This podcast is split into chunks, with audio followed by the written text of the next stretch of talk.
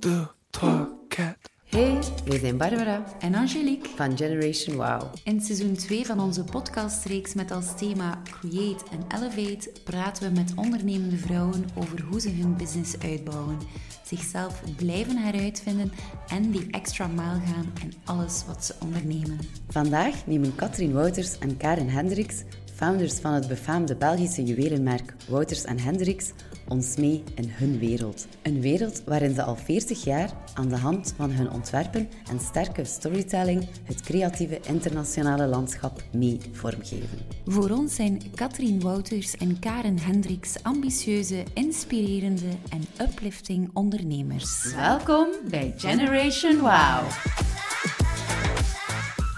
Welkom Karen en Katrien in de 22e aflevering van onze podcast ondertussen al de vierde aflevering van ons nieuw Create and Elevate seizoen. Kunnen jullie uh, om te beginnen misschien even wat meer vertellen over jullie zelf en hoe jullie Wouters en Hendricks zouden omschrijven? Ik ben uh, Katrien Wouters. Ik uh, heb net als Karen, mijn collega, een opleiding genoten in de academie in Antwerpen, opleiding Goudsmit, waar we eerder een unieke juwelen uh, ontwerpen. Een beetje kunst, kleine kunstwerkjes. Maar waar, we, uh, waar ik op, op, het einde van mijn academiejaren uh, het plan had opgevat om toch te proberen om eh, zelf een collectie juwelen te ontwerpen. Eigenlijk een verderzetting van onze waar we mee bezig waren met onze ontwerpen. We vertrekkende eigenlijk toch nog vanuit onze opleiding waar je um, op dezelfde manier te ontwerpen, maar toch te zoeken naar een productiemethode dat je dat op een kleine oplage zou kunnen produceren. Want we vonden dat eigenlijk wel heel spijtig dat je anders maar zo één op één zo maar een juweel zit te maken. En dat wel heel fijn is om dat gewoon voor een breder publiek te kunnen mee bereiken.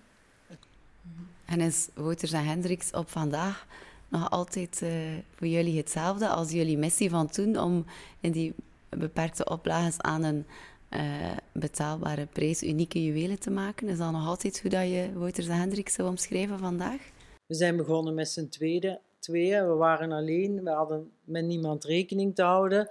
Dus uw passie is dat, dat beroep en dat is bij wijze van spreken dag en nacht. Maar op een gegeven moment begin je dan wel na te denken van ja, hoe kunnen we dat nu realiseerbaar maken om dat te laten groeien en daar toch op een menselijke manier mee te leven. Om, om, en je blijft altijd wel kritisch naar je werk kijken. En dat is ook iets dat je niet los kunt laten, omdat dat gewoon in je creatieve mind zit.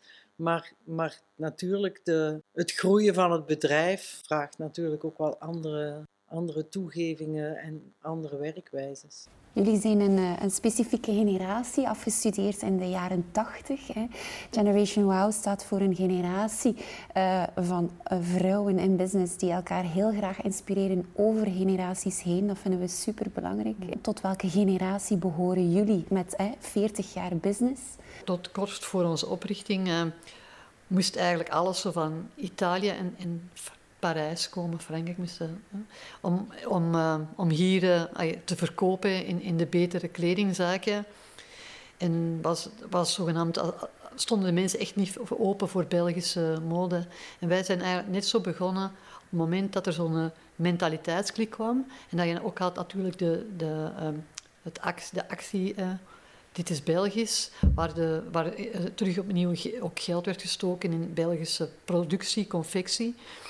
En dat maakt ook dat wij toen ook samen met de Antwerpse zes zo van het geluk hadden op die moment dat de mensen open stonden voor er is eigenlijk ook toch wel hier ter plaatse talent aanwezig hè, en, en, we staan daarvoor open. Zo.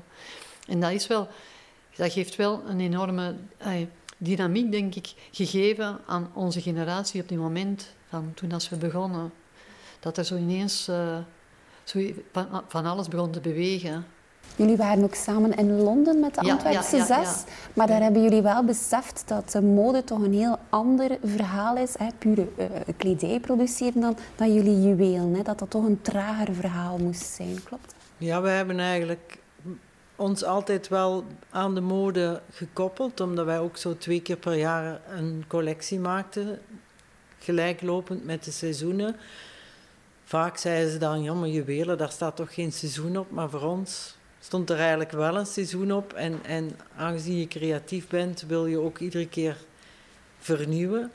Maar ehm, de, de aankopers op die moment die naar de modebeurs gingen, bijvoorbeeld in Londen, maar in andere landen was dat hetzelfde, zijn toch andere aankopers als degene die voor accessoires kwamen. En zo hebben wij eigenlijk stilaan onze eigen weg gevonden om dan meer specifiek naar dat doelgerichte publiek ons te kunnen richten. Dus beurzen gedaan waar meer mensen kwamen die echt op, naar accessoires op zoek waren. Dus die al hun aankopen van hun modemerken hadden gedaan. Want wij werkten wel heel vaak samen met winkels die wel mode verkochten. En dan daarna naar ons kwamen om dan de bijpassende collectiejuwelen.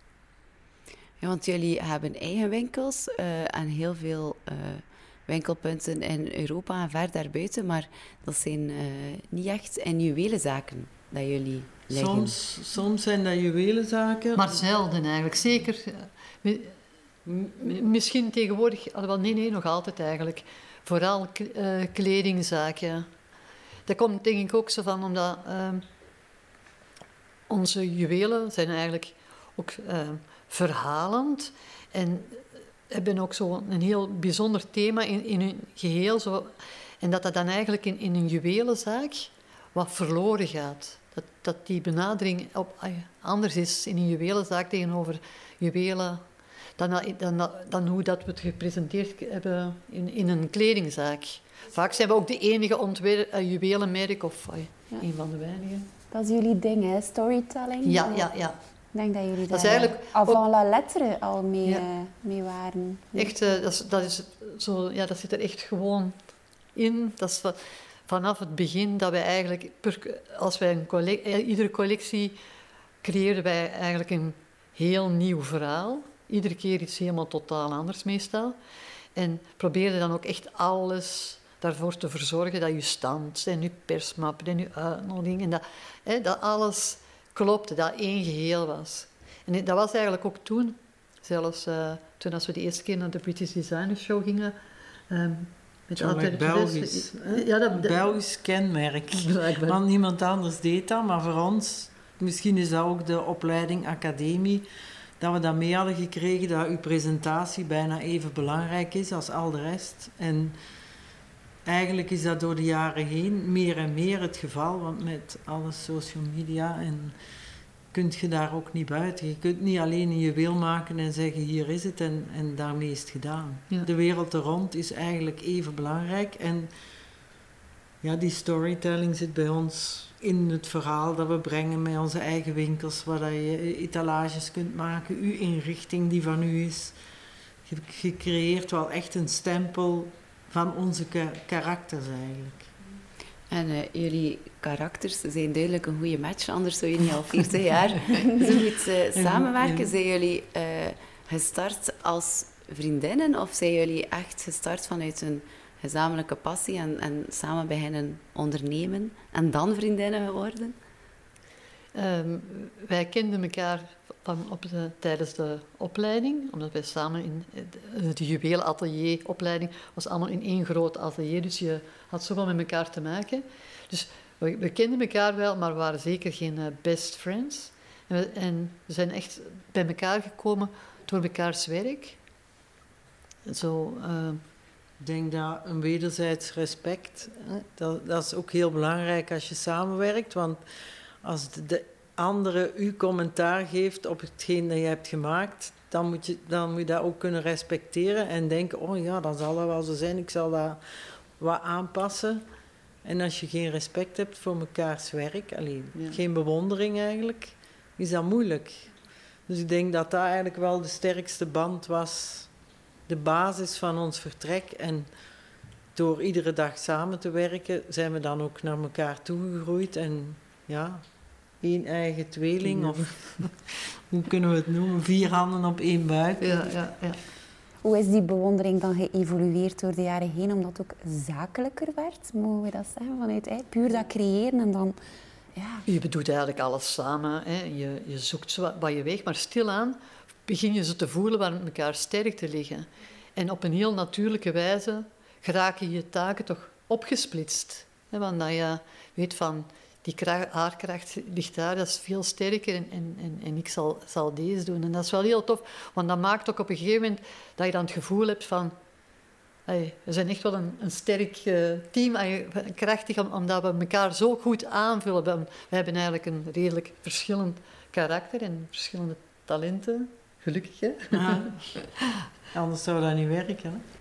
Jullie wilden van dag één al leven van jullie merk dat jullie voor ogen hadden. Jullie hebben dat ook uitgesproken, heel avant la letter eigenlijk. Vanuit de creatieve sector zeggen van we willen daar echt van leven, verdienen en groot worden. Vandaag zijn jullie met hoeveel en hoeveel mensen leven ervan, Wouters en ik, ik, denk zo, ja, dat wij zo rond tegen de 50 uh, uh, mensen... Ja, dat is ongeveer dat hebben we nooit... Want mensen vragen dat soms, hè, van, had je dat aan toe gedacht? Maar ja, als je jong bent... Je, ons, ons hoofd gedacht was maar van, we willen hè, die juwelen maken en, en in productie. Maar wij hadden eigenlijk niet, geen, geen toekomstplan. Of wij hadden eigenlijk niet... Ay, wij geloofden er wel in dat dat zou draaien, maar het is niet dat wij zo'n actieplan van... Uh, dus dat is eigenlijk... Ik denk dat dat het grote verschil is tussen iemand die echt een economische opleiding heeft genoten, of een verleringsschool, of een, ondernemingsopleiding heeft gehad, dat die met een plan komen en die werken daar naartoe. Dat was bij ons ook het grote verschil van de dag dat het overgegeven werd, dat daar een plan was en dat ik dacht, we kunnen nu weten wat dat je volgend jaar gaat doen. Want wij deden eigenlijk alles gewoon hoe dat het vanuit ons buik voelde, van nooit een winkel, je komt langs een winkel en je denkt, oh my, dit is wel eigenlijk toch een schoon winkeltje, Katrien. Ja, eigenlijk wel. Oké, dan doen we dat. Hè. En dan, dan vonden we, dan zochten we dat wel uit van hoe gaan we dat aanpakken en, en, en hoe gaan we dat organiseren. Maar wij konden dat nooit op voorhand plannen wat dat er moest of ging gebeuren. Terwijl... En toch had je talent voor structuur zonder dat je ja, het wist. Dat is ja, blijkbaar toch ergens in je zijn, dat je dat toch weet hoe dat je dat onbewust moet aanpakken. Ja, en dat getuigt toch ook wel van, uh, van veel ondernemerschap. Ook al hebben we ergens gelezen dat jullie zichzelf niet per se als ondernemers zien. Uh, maar wij zien toch wel veel ondernemerschap. Dus uh, wat betekent ondernemen dan eigenlijk voor jullie? En hoe zien jullie jullie zelf dan eigenlijk wel? Naast creatieve zielen natuurlijk. Ja, ik denk dat ondernemen vooral erover gaat van niet alleen het creëren, want je bent misschien wel creatief, maar daarmee kom je niet vooruit. Je moet, je, gelijk al zei, alles er rond moet ook kloppen, heel het verhaal. Je moet de juiste klanten, de juiste weg, de juiste middelen er rond. En, en steeds maar verder gaan. Niet blijven zitten waar je bent en op een gegeven moment denken: oh, nu gaat het eigenlijk wel goed, we hebben zoveel klanten, kunnen ervan leven. Nee, je moet eigenlijk steeds opnieuw uitdagingen aangaan om verder te komen. En ja, dat zeggen ze vaak: hè, stilstaan is stoppen. En ik geloof daar echt wel in. Je kunt niet niks doen of tevreden zijn met wat je hebt. Helaas werkt het zo niet, want dan kan het alleen maar terugvallen. Hoe werkt het dan tussen jullie twee als het moeilijker gaat? Is daar ook een portie durf mee gemoeid samen? Of? Dat denk ik wel. Dat, onze, dat is iets, dat dingen dat we allebei hebben, dat wij allebei eigenlijk impulsief zijn. En, en dat wij, en als je zo ziet met de stappen tijdens de, tijdens de geschiedenis van Wouter en niks, zo toch wel risico's hebben genomen van er gewoon in de, dingen in te springen en gewoon te doen. We kregen echt altijd elkaar direct wel mee. Dat was niet... Ja. ja, maar dat is ook zalig dat je met twee bent. Hè? Als je alleen al die beslissingen moet nemen en misschien wil de een nu niet onderdoen voor de ander, of de een krikt de ander op, trekt de ander mee. Ik kan niet zeggen dat dat altijd zo vanzelfsprekend is, dat samenwerken, dat dat altijd lukt. Want je hoort meer verhalen waar dat, dat niet bij lukt, dan dat het wel lukt. Maar als het lukt, is het wel een zalig verhaal. Het is uh, heel veel voordelen, maar zijn er ook nadelen die jullie kunnen benoemen? Van met twee samen te werken? Ja. Het mag ook gewoon nee zijn hoor. Of je moet het ook gewoon vertellen. Misschien dat je van elkaar afhankelijk bent. Dat je niet als enige kunt zeggen, ik zie het niet meer zitten. Maar dat is ook een, eerder een voordeel als een nadeel. Jullie eh, hebben al gezegd dat jullie aan elkaar heel makkelijk eh, feedback kunnen geven, omdat je zoveel respect hebt voor elkaar. Hoe doe je dat met zo'n eh, een groot team?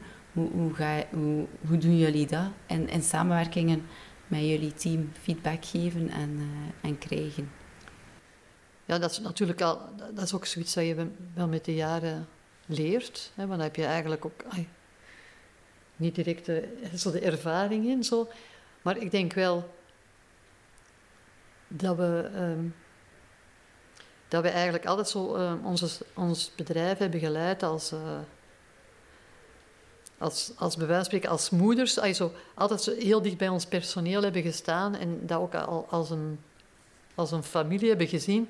Waardoor dat ik denk dat dat ook maakt waardoor dat je ook open kunt zijn, gemakkelijker open met de mensen kunt pra- en, en snel gewoon kunt zeggen. We, we hebben niet zo'n hiërarchie van, ja, van op bepaalde momenten dat je ja. maar eens, eens iets zult zeggen. Zo van, maar zeker hier in, in de Kallestraat, in onze hoofdatelier, is dat, is dat eigenlijk nog altijd een heel eh, dicht, eh, zo'n warm team.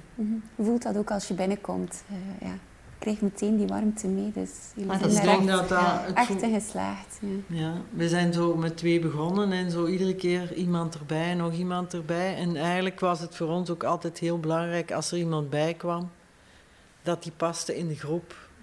En dat is altijd zo gebleven. Op een of andere manier waren dat altijd wel vooral vrouwen, maar die dan ook zwanger werden en ook kinderen kregen. En ik weet niet of dat, da- daar iets mee te maken heeft, maar die groep bleef altijd groeien, maar toch intens. Allee, 40 jaar eh, successen, maar eh, waarschijnlijk ook wel wat eh, tegenslagen. Zeker, ja, ja. Zijn er zo een paar tegenslagen waar jullie op terugkijken, dat jullie overwonnen hebben? Dat je denkt van ja, dat, dat was toch wel een Ja, pittig ja. moment. Wat, wat ik me altijd nog heel sterk eh, herinner, ik weet nu niet, ergens begin jaren 90. En toen als wij begonnen met, met Wouters en Hendricks, werkten wij in, eh, in onedele materialen. Wij werkten zo in tin en in koper, verguld, dus had je nog niet de zilveren eh, collecties. Dat was ook zo omdat toen de mode uit de stijl was eigenlijk allemaal heel grote juwelen. Dus ah, in zilver zou dat al onbetaalbaar zijn. Dus dat waren echt allemaal van die grote clipsen en grote ketting. En, dus op, en dan op een gegeven moment stilaan eh, is er een, een eh, langzame flow, zo van dat de dingen zo fijner werden. En in zo half, dus ik geloof dat 2 of 93, dat we op een gegeven moment naar de beurs gingen en dat we eigenlijk echt slecht verkocht hadden. Dat we echt zo van, oh amai, en hoe kunnen we nu al dat personeel... Want uiteindelijk is dat wel altijd... Hè, als je naar een beurs ging, dan moest je eigenlijk al je, omzet voor het volgende half jaar hebben, hè, waar al die gezinnen van mee moesten kunnen leven. En dan hebben we zo gedacht van, ja, hoe, hè, hoe, gaan we dat op, hoe gaan we dat oplossen? En dan hebben we dan eigenlijk echt een stap gezegd van... eh, we moeten omzwaaien, we moeten in zilver beginnen. En zijn we eigenlijk ineens zo klik van, van eh, onedel naar zilver gegaan, omdat we dan eigenlijk ineens zo fijner en geraffineerder en met zo half edelstenen konden werken. En dat wil ik maar zeggen van onze impulsiviteit. wij, verkopen, verkochten dus altijd aan, aan kledingzaken. En misschien als je ehm, marktonderzoek zou dan doen, zou je zeggen van zo, ja, mocht dat toch niet ineens zo verspringen, want stel nu, van, die winkels gaan misschien niet volgen. Maar we hebben dat ge- gedaan en de mensen, eh, dat is eigenlijk heel goed gelopen en is gewoon terug. Dus dat was, was eigenlijk gelukkig eh, Ik de denk dat juiste dat, beslissing. dat is ook iets dat bij ondernemen hoort. Hè? Allee, het gaat niet altijd in stijgende lijn. En af en toe is er een dip en dan denkt je van... Allee, hoe snel gaat het naar beneden en hoe traag en hoe hard moeten we ervoor werken om het weer omhoog te krijgen. Ja, dat besefte toen Ja, heel dat is sterk. zo echt ja. dat je dacht van... Allee, deze... Maar ja, dat is inderdaad... uit. Ja, maar het is wel een verhaal van Elevate geworden. Maar op Ja, zo'n ja. moment is dat ook ja. inderdaad inventief denken. hè. Oké, en handelen. En is er een verschil tussen eh, een beginnend bedrijf qua, uit, allee, qua uitdagingen en tegenslagen en een ja, heel matuur bedrijf. Ik denk dat het verschil bij Alice is van, bijvoorbeeld de grote dat je zei, dat je op veel meer verschillende paarden weet. Dat je zo veel meer je dingen in verschillende mandjes hebt liggen, waardoor dat, dat je dat is eigenlijk hoogst zelden dat ineens overal alles, alles legt. Je, moet zorgen dat je gewoon geen risico's neemt en, en bij wijze van spreken maar met twee grote klanten weet, dat je ook je kleine klanten ook allemaal blijft meenemen, dat, eh, dat je dat risico spreidt. En wij hadden dan eigenlijk ook nog wel het geluk van, wij hadden zelfs ook eh, geografisch, hè, wij verkochten dat in Amerika, wij verkochten in Azië hè, en dan in Europa. Dus als je dan op een gegeven moment crisis was eh, in, in Japan, zo, dan had je nog altijd wel in je Europese klanten. Dus ik denk dat dat wel eigenlijk altijd wel een hele goede beslissing is geweest van ons om altijd heel breed... eh, En ook om direct internationaal naar die beurs te gaan, waar we dan ons publiek eigenlijk verbreden. Want in het begin enkel België, ja, dat hadden we al wel snel door dat, daar niet veel, dat we daar niet veel mee konden groeien, omdat wij ook exclusief product, ja, product hadden. En als we dan bijvoorbeeld in, in Gent één winkel hadden, ja, dan mocht er geen een tweede, want dat is concurrentie in dezelfde stad. En op, op die manier heeft ons dat wel stappen doen zetten om ook buiten de grenzen te gaan kijken. En hoe zit de eh, verdeling eh, op vandaag? Waar zit, welke landen zit jullie grootste Nu, vandaag omzet? heb je wel, ehm, doordat wij met onze eigen winkels, uiteindelijk zijn opgezet, zijn on- onze eigen winkels wel heel belangrijk geworden. Ten- vroeger verkochten we eigenlijk enkel aan andere winkels. Dus in die zin is, is, is daar ook al wel een verschuiving mee tussen eh, wholesale en, en uw eigen winkels. En als het dan over wholesale, is dat eigenlijk toch nog altijd van, qua buitenland, ja, heb je Nederland en, heb je, ehm, en dan Japan. Eigenlijk nog altijd... eh, dat, dat Japan dat is eigenlijk al iets van in die begin jaren 90 of zo, of half jaren 90. En dat is eigenlijk blijven, ay, dat is echt, er is op een, een of andere manier. En daar zijn dan wel juwelenwinkels Ja. waar dat we verkocht worden. En Maar ze houden heel veel van die winkels enkel in België of ook in, eh, In, ook in Amsterdam. Amsterdam? Ja. Ja. Is de, de, het digitale ook een nieuwe manier om jullie wereld dat jullie eh, willen meegeven en de storytelling Ja, te dat doen? is wel heel enorm. Hè? Dat, is, Ja, social media land is echt een paradijs, hè, denk Ja, ik, voor ja, jullie ja, eh, ja. verhaal. dat is echt enorm. Dat is heel leuk. Hè? Mhm. Ze, ze, ze, ze- Ja, on- voor iedereen is dat Ja, heel ja. belangrijk. Hè? Zorg je het ook terug voor andere collabs? Want jullie staan ook echt gekend ah voor ja, hele ja. mooie, unieke collabs. Hè. Zeer Dat is eigenlijk zoiets hè, van de laatste jaren, ook met de jonge ploeg hier, zodat we daar zo mee, mee gestart zijn met die samenwerking. Nee, de eerste keer dat we samengewerkt hadden was met Delvaux. Hè, zo'n echte collab dat we ooit toen die armband ervoor gemaakt hebben. Die Embrace. Maar ehm, dat gaan we zeker blijven doorzetten, want dat is eigenlijk heel, heel leuk, die samenwerking. Dat is, ook zoals we toen met eh, Stefanie Dijker. Het is eigenlijk heel fijn om elke keer bij die samenwerkingen dat je zo hebt, zo van die symbiose en dat je zo die kracht en, en die mensen hun aanpak en die mensen hun visie, dat weet te, co- te combineren met je, dat verrijkt je eigenlijk alleen maar. Jullie zijn ook mama's. Ja? Ja. Ja, gezinnen daarbij. Hoe is dat altijd gegaan?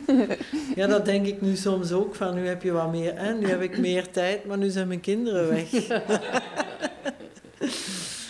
maar uiteindelijk, ja, als je terugkijkt, weet je niet hoe dat je dat deed. Hè? Maar op het moment dat, dat, dat het daar is, is het wel allemaal gelukt. En gelukkig hadden we alle twee kinderen, dus op die manier begrijp je dat ook als de een of de ander naar huis moet voor een ziek kind, dat, dat je weet dat, dat voor jezelf ook kan gebeuren. Hè? Ik denk dat dat wel belangrijk is als je zo zelf aan het hoofd van een bedrijf met kinderen en dan vrouwelijk personeel, dat dat toch wel heel veel begrip geeft voor de mensen hè, die, die dan ook voor u werken en in dezelfde situatie zitten. Ja. Jullie hebben heel veel kinderen die geboren worden. Heel veel, 40 ja, jaar.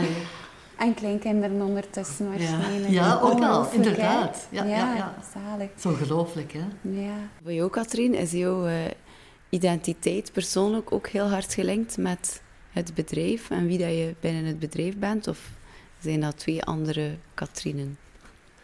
Nee, nee, ik denk dat dat zeker ge, ehm, sterk eh, ver- verbonden is met, met je bedrijf, hè, wie dat je bent geworden.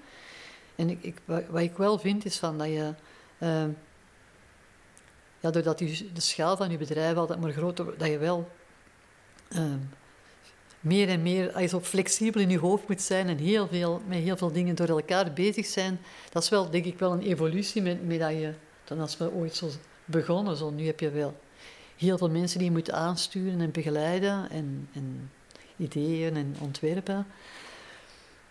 En eh, dat maakt misschien wel dat je, dat ik, voor, voor mij persoonlijk is dat, dat is mijn, eh, mijn vrije tijd is wel heel rustig, is wel niet, niet glamorous. We hebben alle twee een hond. dat we hadden het. Dan gaan we samen wandelen en dan nemen we de honden mee. Ja. Dan Die toch dan nog niet zo samen. goed Leuk, overheen komen. Ja, top. Ehm, een droomverhaal? Ja. hè? Als jullie, ehm, ja, jullie helden aan een tafel, Wouters en Hendricks, zouden mogen uitnodigen. ehm, Om, samen iets mee te creëren. ja. Welke- of dat mensen die nog leven of mensen die al gestorven zijn uit het heden, uit het verleden. Wie zit er bij jullie aan tafel? Goh, ik was in Parijs op die tentoonstelling van Schiaparelli. Oh ja, En maar dat vond ik wel heel inspirerend. Dat ik dacht, oh, dat is zo onze wereld, maar toch zo nog... Ik vind dat ook zo. Ja, dat- en, en wie ik ook vind is eh, die Merit Oppenheimer. Ja, Die kunstenares. werkt ook samen met Schiaparelli. Ja, ja.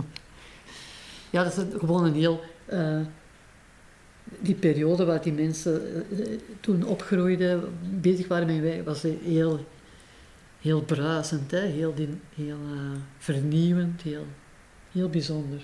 En ook zo die, in die periode, ja, die samenwerking, heel vaak tussen die kunstenaars en die modeontwerpers, dat die dingen allemaal zo op elkaar Ja, dat is zo grappig als je zo'n tentoonstelling bezoekt. Ja, bij ons op de tentoonstelling was dat misschien ook.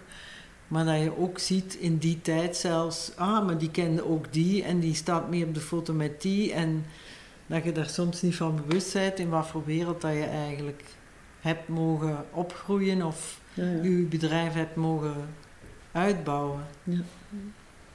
Proficiat is al sinds een heel Ja. mooi verhaal. Ehm, als laatste vraag zouden wij jullie nog gewoon willen vragen wat de beste tip is dat jullie ooit gekregen hebben en wat jullie zelf als tip zouden geven aan onze luisteraars.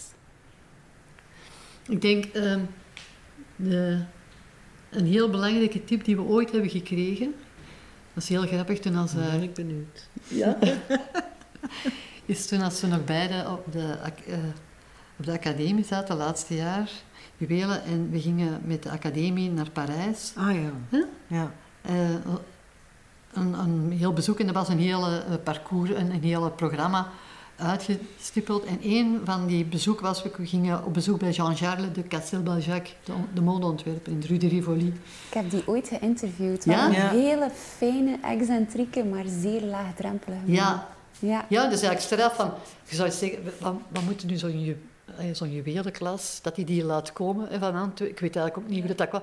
Dus wij, wij kwamen in zijn bureau, hè, die na- nam tijd voor ons. Hè, en die zei ons echt zo van, zo, je moet echt gaan als je, als- je er wilt komen, moet je er echt voor vechten. En als iemand mij een sollicitatiebrief, dan op, ik leg dat opzij, hè, die, die, die bel daar zo op. Je moet dan, uiteindelijk moet hij zo... En die zet dan nog eens en die zet zijn voet tussen de deur en denkt dat, oh, maar die heeft misschien wel iets te zeggen. En zo kom je. Je moet wel... Je moet vechten voor wat dat je wilt gaan, zo. Hè, dat is toch Ja, echt altijd... ja, en wij hadden echt zoiets van ja, ja, ja. Er moet passie in zitten, waar. er moet vuur in Ja, maar dat is echt Ja. zo. Hè. Je moet blijven, je moet geloven, dat je, maar je moet ook... Je mocht, je mocht je niet laten ontgoochelen, je moet blijven vechten voor, voor, voor wat je in gelooft. Ja, en, en eigenzinnig blijven. Hè? Dat, ik denk dat dat ook heel belangrijk is, want op uw parcours zijn er zoveel mensen die tegen u zeggen: Ah, maar je moet dat zo doen en zouden niet dat zo doen. Als je naar al die mensen moet luisteren, denk ik dat je niks doet en dat je nergens uitkomt. Ik denk Ja. dat dat wel belangrijk is dat je, de, dat je toch het doel voor ogen houdt en daar naartoe gaat. Dat hebben jullie heel mooi gedaan. Ik, uh, voor ons zijn jullie het voorbeeld van Create and Elevate. Uh, of van Belgische bodem en uh, internationale bekendheid. Dus we zijn Soms heel... zeg ik ook wel, volgens mij hebben we ook wel wat geluk gehad. Zeker, hè? Zeker. Dat is... Het geluk is jullie van harte gegund. Dank je wel om ja. met ons in gesprek ja, te gaan. Jullie bedankt. Voor deze Generation Wow podcastreeks werkten we samen met ons fijn team. Thibaut Verru deed de productie en Alice Gernaert de eindredactie. Deze Generation Wow podcastreeks wordt mede mogelijk gemaakt met de steun van Belfius. We bedanken ook graag Collectors Club voor onze mooie Belgische outfits.